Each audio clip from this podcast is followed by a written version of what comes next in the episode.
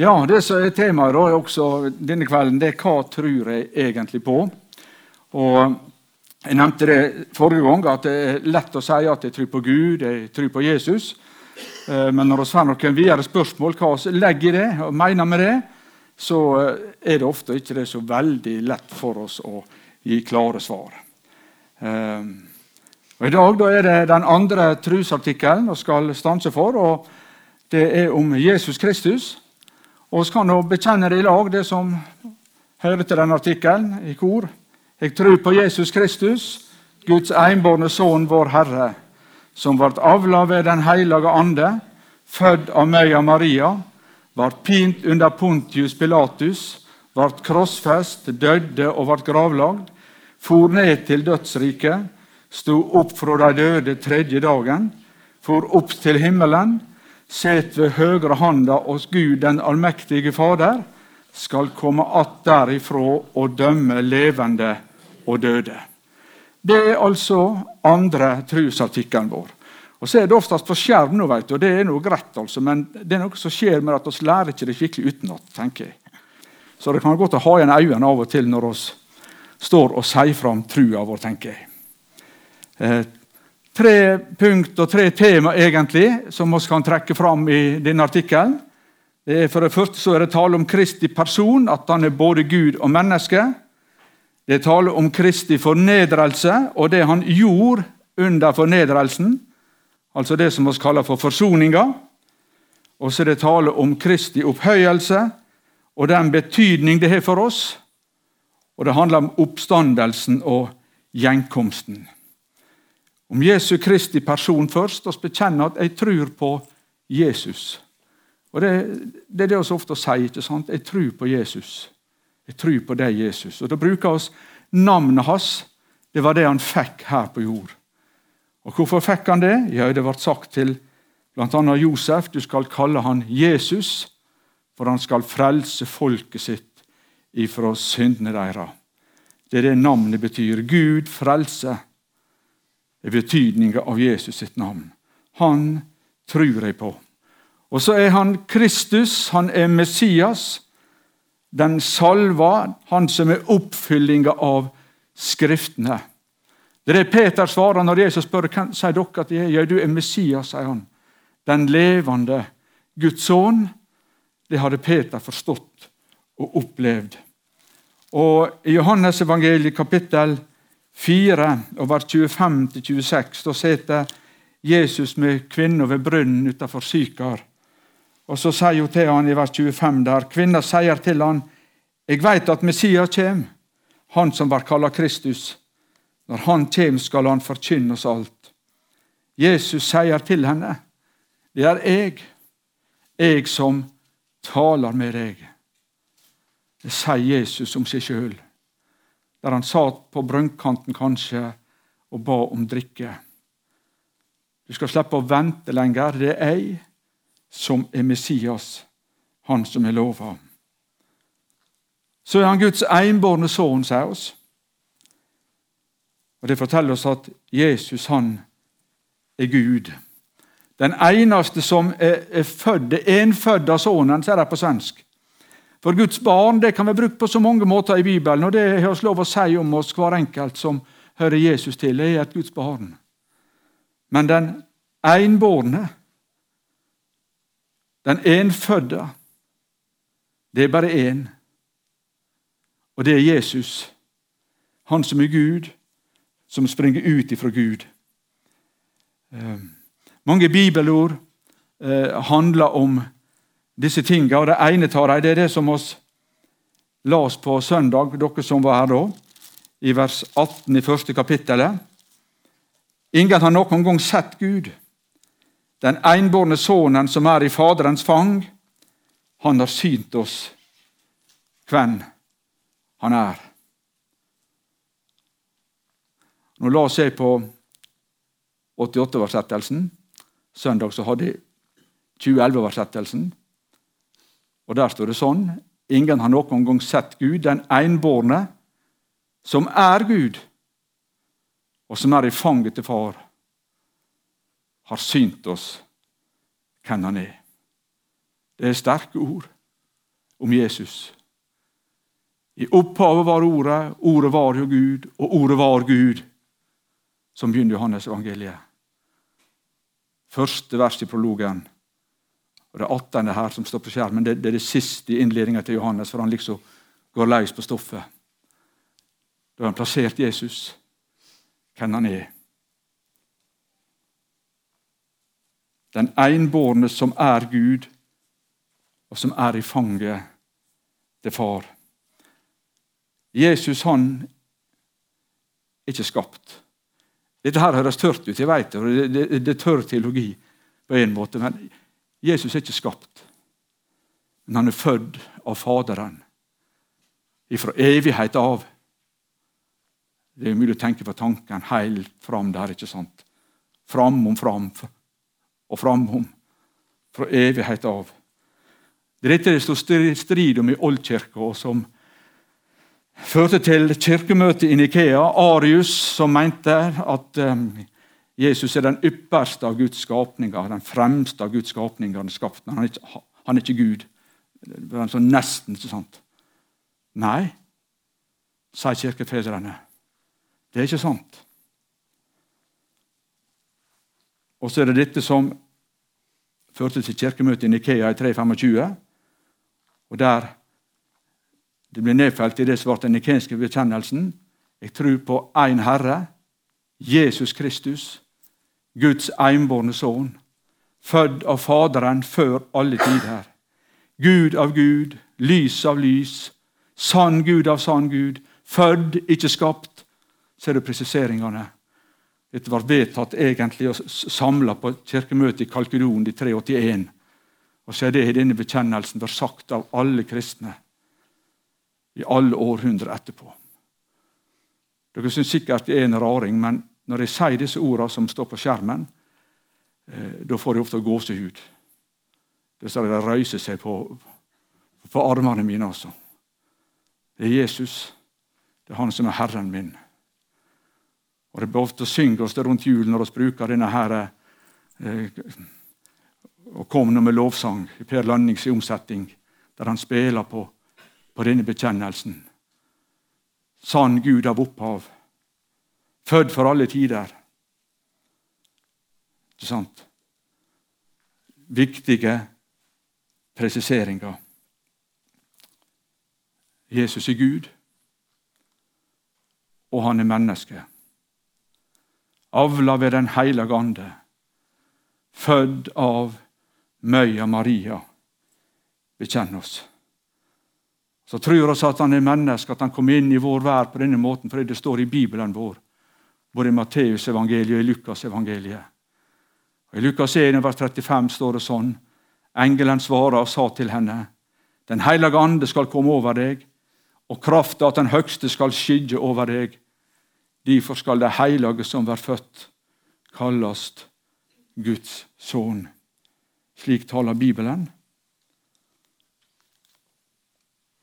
Og vers 14 i Johannes 1 blir jo litt repetisjon for dere som var her på søndag formiddag. da, dette, men Ordet ble kjøtt, menneske, og tok bostad hos oss, og vi så herligdommen hans. En slik herligdom som den en enbåren sønn har fra far sin, full av nåde og sanning. Igjen møter oss dette uttrykket 'den enbårne', som også er i vers 18. Den ene som er båren fram, født av Gud før alle tider. Og så er han menneske, og tror det fordi det står i Bibelen. Inkarnasjonen heter det på fint. Jeg er glad i det nynorske ordet 'ikjøtinga'. Det er kjødspåtagelse for bokmål. Ja, det men det er noe med disse presise uttrykkene som forteller oss hva det dreier seg om. Dette er det vi kaller for Bibelen sitt tonaturslære. Forrige gang snakka vi om treenighetslære liten grann. At Gud han er, han er en av vesen, men tre personer. Fader, Sønn og Hellig Ande. Og Nå taler vi om to tonaturslære. og taler vi om Jesus, som er to naturer. Han er Gud, og han er menneske samtidig. Og så lett å tenke ja, det er 50 av hver, da, ikke sant? eller kanskje 70-30. Nei, det merkelige og paradoksale er at han er alltid 100% fullkommen Gud. Og samtidig er han 100% menneske helt og fullt til samme tid. Rart. Tilbake til brønnen igjen utenfor Sykar. Jeg der sitter han altså og snakker om at han har det levende vann å gi. Det er livets vann, for han er Gud. Og så ber han altså i all enkelhet denne kvinnen om at får noe å drikke. Sløke tørsten med. Møte oss det. Han sier at han er i livet. Veien, sanninga livet. Han sier at han er oppstandelsen og livet. Og så ander han ut på et kors og dør under stor forsmedelse og tragiske omstendigheter. Gud og menneske 100% samtidig. Og han er prøvd i alt, står det i Hebreabrevet 4, vers 15, i likhet med oss mennesker, dog uten synd. Fordi han kommer utafra, han er Gud, og det er en fullkommen guddommelig natur. Sa at dette er tørt, kanskje, og, og, og litt sånn teologi. Men det er altså viktig, dette med tonaturs lære. Det blir ofte uttrykt sånn at han måtte være den han var, for å kunne gjøre det han gjorde. Og han ikke bare var han, han er slik i dag også. Han måtte være både Gud og menneske for å være den som var syndfri og ren og kom utafra og inn i vår vær. Så måtte han være menneske for å kunne være sonofferet. Sangen som var sang før jeg gikk fram her, 'Folkefrelser til oss kom', den taler veldig tydelig og sterkt om denne sida ved Jesus Kristus, eller disse sidene ved Jesus Kristus. Og Det er rart å tenke på at disse versene som var sang, sju verser, det er Den kristne kirke og Guds folk sunget i 1600 år. Latt seg gripe av, og det blir uttrykk for den trua vi har på Jesus, som er frelseren vår, som både Gud og mann. Ambrosius har skrevet den, og det blir ikke tid, men det er spennende historier, fortellinger fra kirkehistoria eh, om det som skjedde på hans tid omkring disse viktige tingene. Mitt hjerte alltid vanker i Jesu føderom. Den bærer mye med seg av det samme, men under uten like. Hvor kan jeg vel forstå at Gud i himmelriket, ikke sant? i stallen ligger må, all himmelens makt og ære, det levende Guds ord, skal så foraktet være på denne arme jord. Det er det samme. Luthers lille katekisme i kveld også. Andre artikkelen, forklaringa til andre trusartikkelen. Det er det, det indre av indrefileten altså i, i Luthers lille katekisme, det som står i, i, i disse ordene. Første delen av forklaringa der er sånn. Jeg tror at Jesus Kristus er sann Gud, født av Faderen fra Eva, og sant menneske, født av Maria Møy. Og så sier han han er min Herre, som har og så videre. Det er, det er sånn som jeg kan stemme i. altså. Ja, han, han, som er Gud og mann, han som er kommet inn i vår vær, han er min Herre. Er Jesus. Det er stort å få lov å si det. Det kan vi være stolt av, av Jesus. Han er min Herre, som Og så fører det oss videre inn i det som har med Jesu fornedrelse å gjøre. Og da bekjenner oss i trubekjenninga vår jeg tror på Jesus Kristus, han som ble pint under Pontius Pilatus.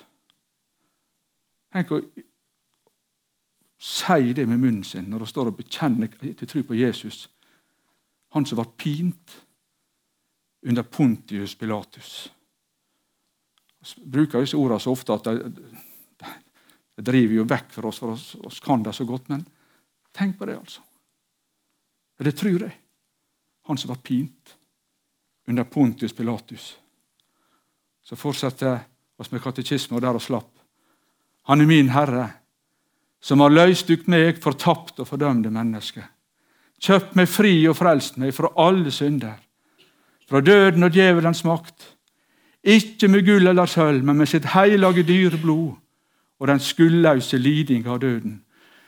Dette har han gjort så jeg skal være hans egen, leve under Han i Hans rike og tjene Han i ævlig rettferd, skuldløs og særlig. Liksom han sjøl har stått opp fra de døde, lever og råder i all evig. Det er så fantastisk flotte formulering. Og Samtidig så er det noe merkelig her. Hm. Meg fortapte og fordømte menneske, sier han. Og Her må vi stoppe litt, og så må vi si litt om det bibelske menneskesynet og gudsbildet. Og gudsbildet, Da mener jeg om gudsbildet i oss, ikke først og fremst det bildet som oss har av Gud. Ehm, dere som var sist og snakka om menneskesynet og menneskeverdet under den første trusartikkelen. Om at vi er skapt i Guds bilde, og det bildet er oss bærer av, hver enkelt av oss. Og snakke om verdien og storheten til mennesket. Om at hver enkelt av oss er villa og skapt av Gud og elska med hele vårt liv. Og snakke om Gud som er verdi.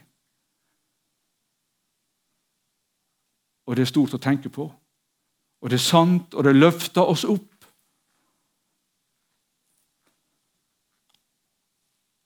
Og så kommer andre trosartikkel. Så møter oss Luthersitatet 'meg fortapte og fordømte menneske'. Men er ikke verdifull likevel, da? Er ikke jeg elska av Gud? Er ikke jeg godtatt eh, sånn som jeg er, kanskje? Det er her det er så viktig å, å skjelne klart ut ifra den første og den andre trosartikkelen. Skapt med en uendelig verdi. Mennesket er noe stort og elsket av Gud. Ikke bare som fellesskap, men som individ. Du er det. Og Samtidig så lærer Bibelen at mennesket faller til synd. Bibelen taler om løgn, egen rettferdighet, egoisme, misunnelse og svik, en taler om et syndig hjerte som vi bærer av. Og så nødt til å lese noen ord fra Bibelen vår om dette og stoppe litt for det, for det er viktig, selv om det er ubehagelig. I Romerbrevet kapittel 3 og vers 19. Men vi veit at alt det lova sier, det taler hun til de som er under lova. Så hver munn skal verte attlaten, og heile verda blir skyldig for Gud. Skyldig for Gud. Og I Romerbrevet 7 og vers 7 og 8 Hva skal vi da si? Lova synd? Langt ifra, men jeg kjente ikke synda uten gjennom lova, for jeg hadde ikke kjent lysta dersom ikke lova hadde sagt at du skal ikke lyste. Men synda nytta seg av både og vekte all slags lyster i meg, for uten lov er synd og død. Og i vers 18.: For jeg veit at i meg, det vil si i kjøtet mitt, bur ikke noe godt, for viljen har jeg, men å gjøre det gode makter jeg ikke. Og i Efeserbrevet kapittel 2 og vers 3. Og mellom dei færast vi alle før, etter lysten i vår kjøt, og vi gjorde det kjøt og tankene ville. Av naturen var vi vreidens born, liksom de andre. Og så står det oppsummert Romerbrevet 3 over 23 at alle har synda og står uten ære for Gud. Uten ære for Gud. Hva er det, da? Å være fullstendig æreløs vi må aldri ødelegge hverandres ære på det mellommenneskelige plan. Må aldri gjøre. men for Gud så står oss uten ære. Hvis jeg var fullstendig æreløs i forhold til dere, da kunne ikke jeg stå her. Det hadde vært umulig å komme inn døra og stått fram for dere. Og Hvis du var fullstendig æreløs i forhold til de andre her, så hadde du heller ikke kommet. For du kan ikke møte andre sitt blikk, andre sitt ansikt. For du har ingen posisjon. Det er noe med deg som gjør at du tåler ikke å møte blikket til den andre. Og Sånn er det å stå uten ære for Gud. Det er å ikke kunne møte Han. Fordi at forholdet er så fullstendig ødelagt pga. synd og et syndig hjerte. Gud er kjærleik. Han vil ha fellesskap med sin falne skapning. Og så er Gud også hellig, fullkommen. Han er rein, han er lys. Og så synger vi en salme som mange synger nå, og det er en flott salme. Eh, men vi tenkte på hva som står der. ikke sant? Hellig, hellig, hellig. Lyset er ditt rike. Intet urent øye kan se din herlighet. Den store glansen som er rundt han. Så krever Gud oss til regnskap. Og Det som jeg sier nå, det er utrolig viktig å få med seg. Veldig, veldig viktig. Nettopp fordi at du og mennesket er noe uendelig stort noe Nettopp derfor krever Gud oss til regnskap med livet vårt. Slik er det fordi han har sett sitt stempel på oss. Han har skapt det i sitt eget bilde. Og da skjønner vi sammenhengen. Er Gud hellig, så krever han selvsagt den samme hellighet av oss som er bærer av hans eget bilde. Det er To ting som korresponderer. ikke sant? Og Så kommer vi til dette som Luther sier, meg fortapte og fordømte menneske, som står i og skulle møte Han med dette kravet og dette regnskapet. Fordi jeg er skapt i hans eget bilde. Men så er det ødelagt, og jeg lever ikke opp til det. Og så griper Gud sjøl inn. Fordi han ikke orka tanken på å miste oss og miste deg. Det er det denne andre trusartikkelen vår innerst inne og djupest sett handler om. Pint under Pontius Pilatus ble krossfest, døde og ble gravlagd. Hebreabrevet kapittel 10 og vers 3, 4, 5, 6 forteller så sterkt og brutalt om hvorfor Jesus kom. Hebreabrevet sitt juleevangelium bruker jeg sjøl å, å kalle disse versene. Men med offera kommer det hvert år ei påminning om synder, for det er umulig at blod av okser og bukker kan ta bort synder. Derfor sier han når han stiger inn i verden. Offer og gave ville du ikke ha, men en leke av min kropp lager du til meg. Brennoffer og syndoffer hadde du ikke hu på. Da sa jeg, sjå, jeg kjem. I bokrullen er det skrevet om meg, for å gjøre din vilje, Gud. Det er en, en samtale mellom Far i himmelen og Jesus som taler idet han stiger inn i vår vær og blir menneske. For det er alt håp er ute fra vår egen side. Så sier han, 'Offer og gave vil ikke du ha, men du lager en kropp til meg.' Og så sier han, 'Jeg kommer', sier han, for å gjøre din vilje. Så fikk det så voldsomme konsekvenser for han som kom. Og så ble det til frelse og fridom og nytt liv for meg og deg. Andre kor, Vinterbrev 521, det med et sånt vers som kanskje mange av oss har hørt så ofte at det nesten blir litt gnag i øret av det. Men men det er altså et, et sentralvers om disse tinga. Han som ikke visste av synd, har han gjort til synd for oss, så vi skal være rettferdige for Gud i Han. Og så er dette evangeliet. Det taler om hva Jesus har gjort, det som er ferdig. Og så er det de to ordene med strek under ville du skulle ta med deg. For det evangeliet er egentlig ikke forkynt skikkelig før det er sagt. Det er for oss og for deg. Du som er fortapt og fordømt, og for deg. Det er det det gjelder, du som skulle få eie det.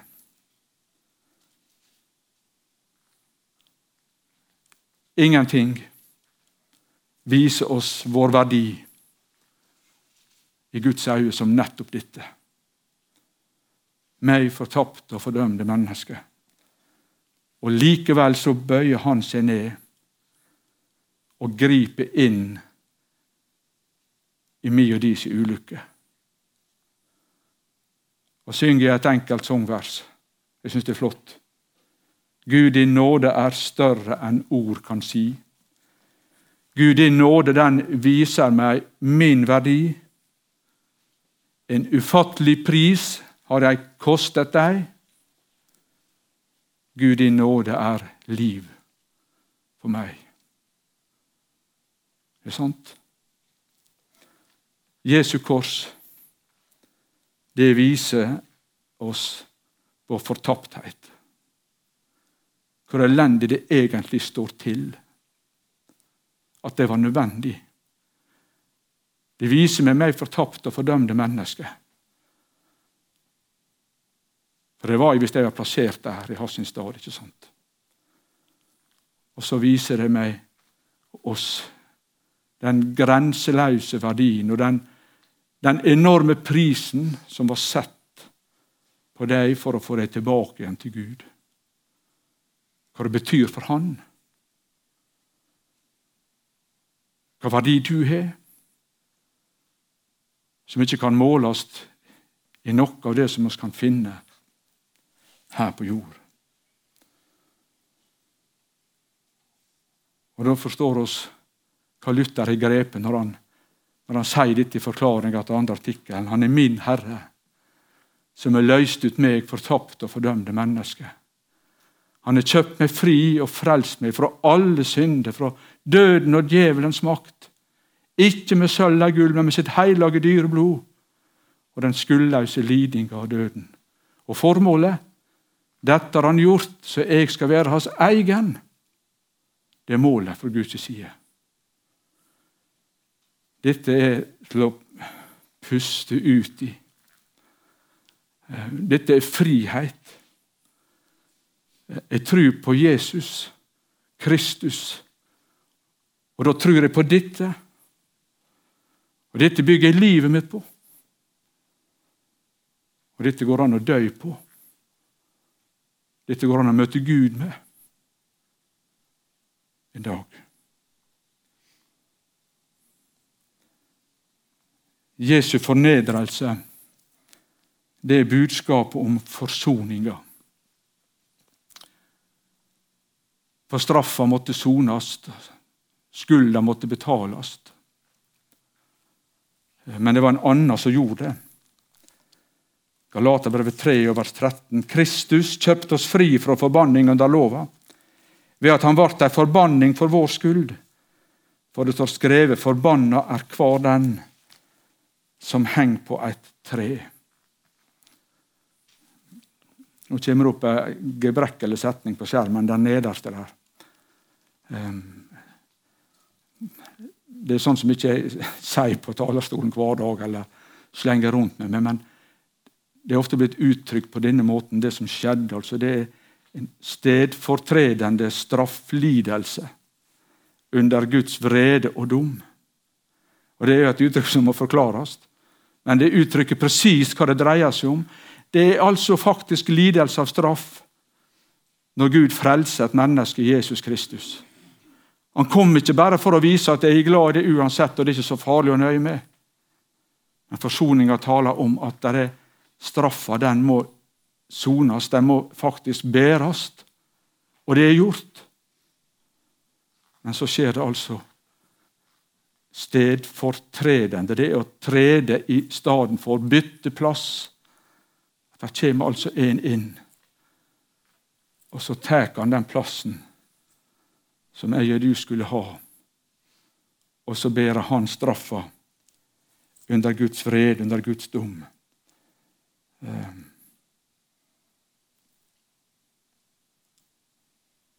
Det er Gud som dømmer og straffer. Og det er Gud som tar dommen og straffer også Jesus Kristus. Forsoninga skjer i et oppgjør mellom Faderen og Sønnen. Og Da forstår vi hvor viktig treenighetslæra egentlig er. Og lære om Jesu to naturer også er hvor avgjørende den er. For lære om forsoninga og frelsa.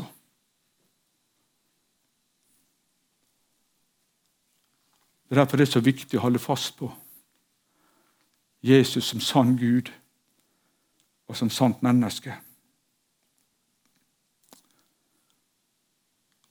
Så var det Kristi opphøyelse. Etter han hadde det fullbrakt. har Jeg lagt han i grava. Så sier vi i trubekjenninga, slutten på andre artikkelen, for ned til dødsriket, sto opp fra de døde tredje dagen, for opp til himmelen, set ved høyre handa at Gud den mektige Fader, skal komme att derifra og dømme levende og døde. Her handler det om nedfart til dødsriket, om oppstandelsen, om himmelfarten, om gjenkomst og dom. Ja, Men nedfarten til dødsriket, var ikke det en del av fornedrelsen da? Er ikke det på vei ned? Er ikke det sånn? Kan mange tenke nei. Når Jesus roper ut på korset 'det er fullført', da er det ferdig. Da er frelsa fullbrakt. Da er han helt på bunnen. Da har han tømt ut seg sjøl, så det står i Filippa brevet 2. Det som skjer deretter, det er Jesu opphøyelse. Om Jesu nedfart til dødsriket skal ikke det sies mye. Og Hvorfor skal ikke det sies mye om det? Det er fordi Bibelen sier veldig lite om det. Og Da skal ikke si så veldig mye mer, oss heller. Men det står et par vers om det i 1. Peters brev, med kapittel 3 og vers 19 og vers 20. I anden gikk han og bort og preika for åndene som var i varetekt de som før hadde vært ulydige den gangen, i Noas dager, da Guds langmod venta medan arka ble bygd. Sånn står det. Og Det må stå forstå slik at han gikk bort og tala til disse åndene som var i varetekt, de gjenstridige. Han proklamerer seieren sin, som han har vunnet. Nå er det gjort. Nå er frelsa fullbrakt. Så mye mer står ikke om det. Og Da skal vi også være forsiktige med å lage veldig mye lærdom om hva som, hva som skjer og skjedde i dødsriket, tenker jeg. Oppstandelsen står det om. Den står det mye om i Bibelen. Egentlig det store punktet, altså. Jesu disipler, apostlene, hva var det viktigste de skulle gjøre? De skulle være vitne om oppstående hans, blir det sagt. Det er oppdraget være vitne om oppstående hans. Hvorfor skulle de være det, da? På en spesiell måte? Ja, for de hadde sett han etter han sto opp igjen. De var over den tomme grava. Noen hadde kikka inn og sett hva som lå igjen der, og fått forståelse av at her er det virkelig skjedd noe. Og så møtte de han. Så så de han. Jeg tror på Jesus Kristus. Da tror jeg på Han som er stått opp fra de døde, og som er en levende frelser. Det er ikke sånn åndelige greier, dette her, som er skjedd bare sånn diffust og så ligger like igjen. Nei, det er en historisk, legemlig, kroppslig oppstandelse. Det har skjedd. Jeg tror på en levende frelser, og det er troverdig. Mye kunne sies om det. Første Korinterbrev 15 taler om vitner som så han. Først Peter, så de andre disiplene, så 500 på en gang. De fleste i livet, sier Paulus. Bare sjekk. Og så for alle apostlene igjen, og for Jakobs bror, og til slutt for meg, sier Paulus. Så lister han opp, og vi leser slutten på evangelia, Lukas og Johannes og de andre, hvordan de, møtte han. Dette her er spennende, altså. men bare noen få år etterpå, sånn 30-40 år, så, så sitter de og skriver evangeliet sine. ikke sant? Skriver ned disse tingene her.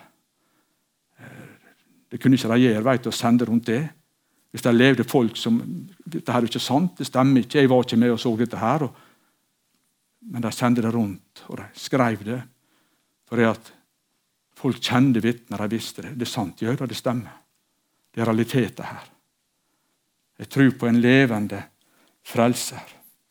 Oppstandelsen til Jesus det er beviset i gåsehudet, selvsagt, på hans guddommelighet. Romerbrevet 1 og vers 4. Ja, jeg leser vers 2, vers 3 også. Om sønnen hans, som etter kjøtet er kommet av Davids ett, altså som menneske, og som etter helligdoms ande er godtgjort å være Guds veldige sønn, ved oppstår fra de døde. Jesus Kristus, vår Herre. Det er en manifestasjon der, når han står opp fra de døde. Han er Guds sønn. Han er Gud. Han har fått navnet Herren. Det som bare Gud sjøl er bærer av. Romerbrevet kapittel 4 vers 25 forteller hva dette betyr for oss. Han ble gjeven for våre brudd og oppreist til vår rettferdiggjøring. Der har du korset og den tomme grav ved siden av hverandre i et enkelt ord og i en sum. Han ble gitt for våre brudd, overtredelser på bokmål. Ordet som er brukt, det er bevisst synd, der han tråkker over en strek, en grense som er oppdreia. Ja, han ble gitt for det. I døden på korset. Så oppreist til vår rettferdiggjøring. Frelsesverket er fullbrakt. Det er ordna. Det er mulig å møte Gud ansikt til ansikt med livet sitt. For det er oppgjort. Straffa den er sona, og dommen den er eksekvert på en annen. Han har gjenfødt oss til et levende håp for Jesu Kristi oppståde fra de døde, står det i 1. Peters brev 1.3.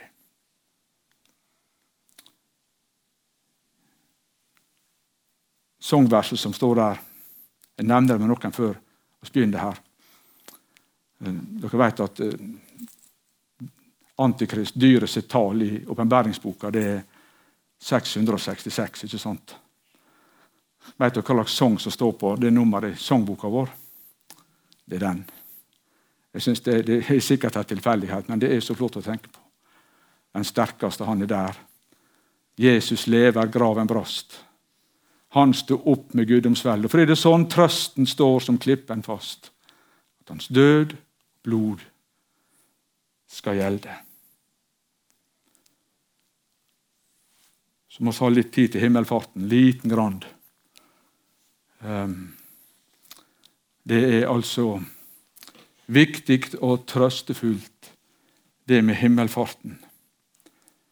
Eh, hva gjør Jesus nå? Er han bare sitter i fred og ro og venter på at han skal komme igjen? Lett å tenke at han er sånn helt sånn passiv tilstand.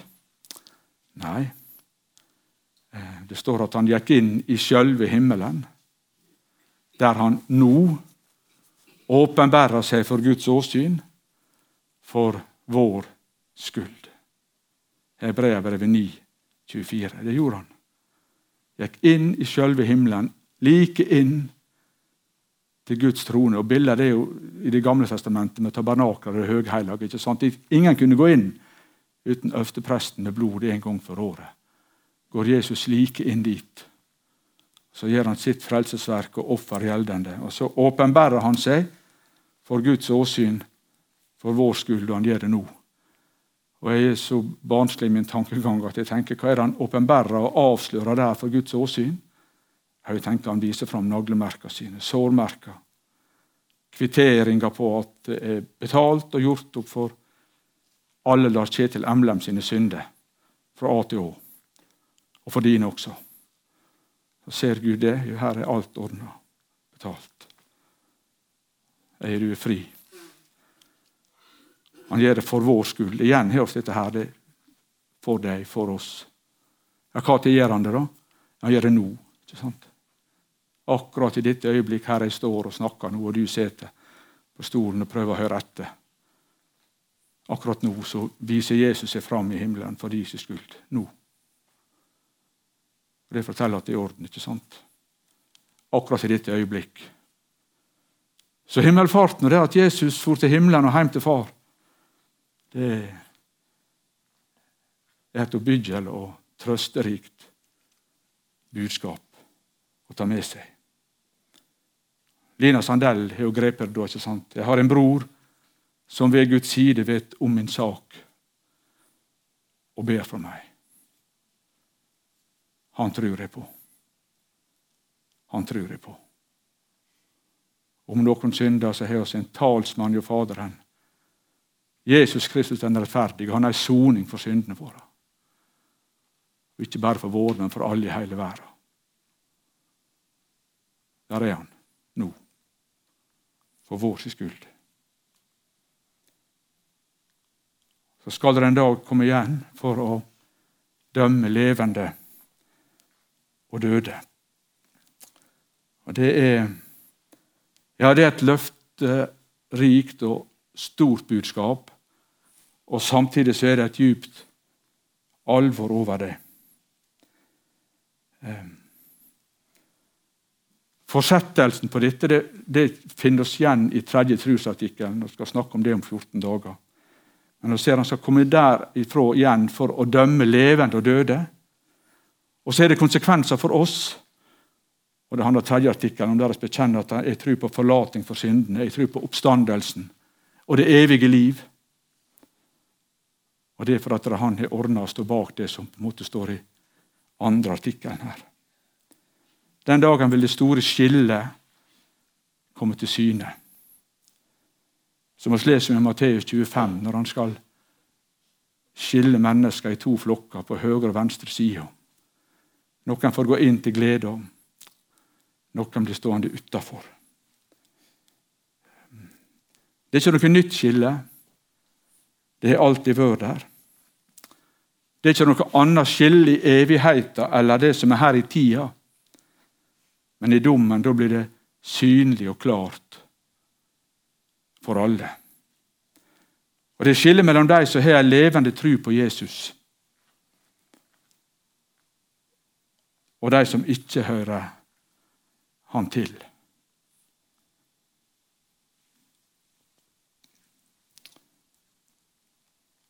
I åpenbæringsboka kapittel 20 vers 11 og 12 der står disse versene om dommen.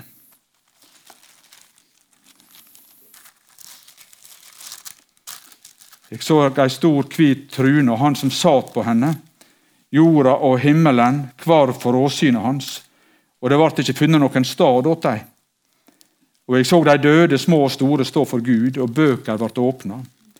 Og ei anna bok, som er livsens bok, ble åpna. De døde ble dømt etter det som var skrevne i bøkene etter gjerningene sine. Ehm, merkelig avsnitt. Ikke oss frelst av nåde, da? Og så står det om dom etter gjerninga. Tenk at Her taler gjerningene for Guds folk om den posisjonen som vitner har i en rettssal. Ikke spørsmål om fullkommenhet eller på en måte ha ti poeng på tabellen. Men det er noe som vitner om og taler om at her var det en som trodde på Jesus og var frelst av nåde. Så står det om livets bok, der deres navn står oppført som lever i trua på Jesus. Og så vil det merkelige skje på denne dagen at det kommer til å være samsvar mellom det som står i bøkene om livet, og så det som står i livets bok om de som er frelst av nåde ved trua på Jesus. Noe rart med dette her. Frelst av nåde. Og så skal dommen på en måte skje etter, etter gjerninga. For de, de, taler om noe, de, de vitner om noe. Så det er lett å bli skremt av det verset som står der. Bli urolig med tanke på det. Men er navnet i livets bok oppført fordi at jeg har tatt min tilflukt til Jesus, så vil det komme til å være samsvar mellom det og det som står i bøkene. Det er merkelig. Det siste jeg skal lese, det er Johannes evangeliet 5, over 24.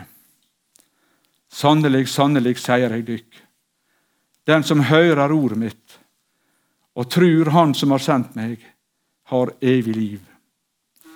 Han kommer ikke til doms, men har gått over fra døden til livet. Det er godt å lese. Og det er viktig å si til hverandre at det er bare én ting som frelser fra dommen, og det er trua på Jesus Kristus og ord om Han. Mot døden og dommen er det bare ei trøst. Men det er også ei trøst som holder. Og det er det evige livet i Kristus Jesus. Kjære Jesus, oss ber til deg. Takker deg for at du er frelseren vår.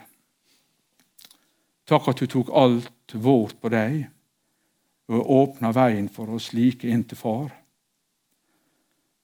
Så ser du oss kan skjelve og bli rolige for framtida, for målet som venter der framme. Takk at du har lova å ta hand om dine og ber oss hver dag. Og du som døde for oss og sto opp igjen for oss. Oss ber deg ved hver flyktig åndedrag og i dødens favnetak og til ukjent land jeg går, og jeg for din domstol står. Klipper du som brast for meg, la meg gjemme meg i deg.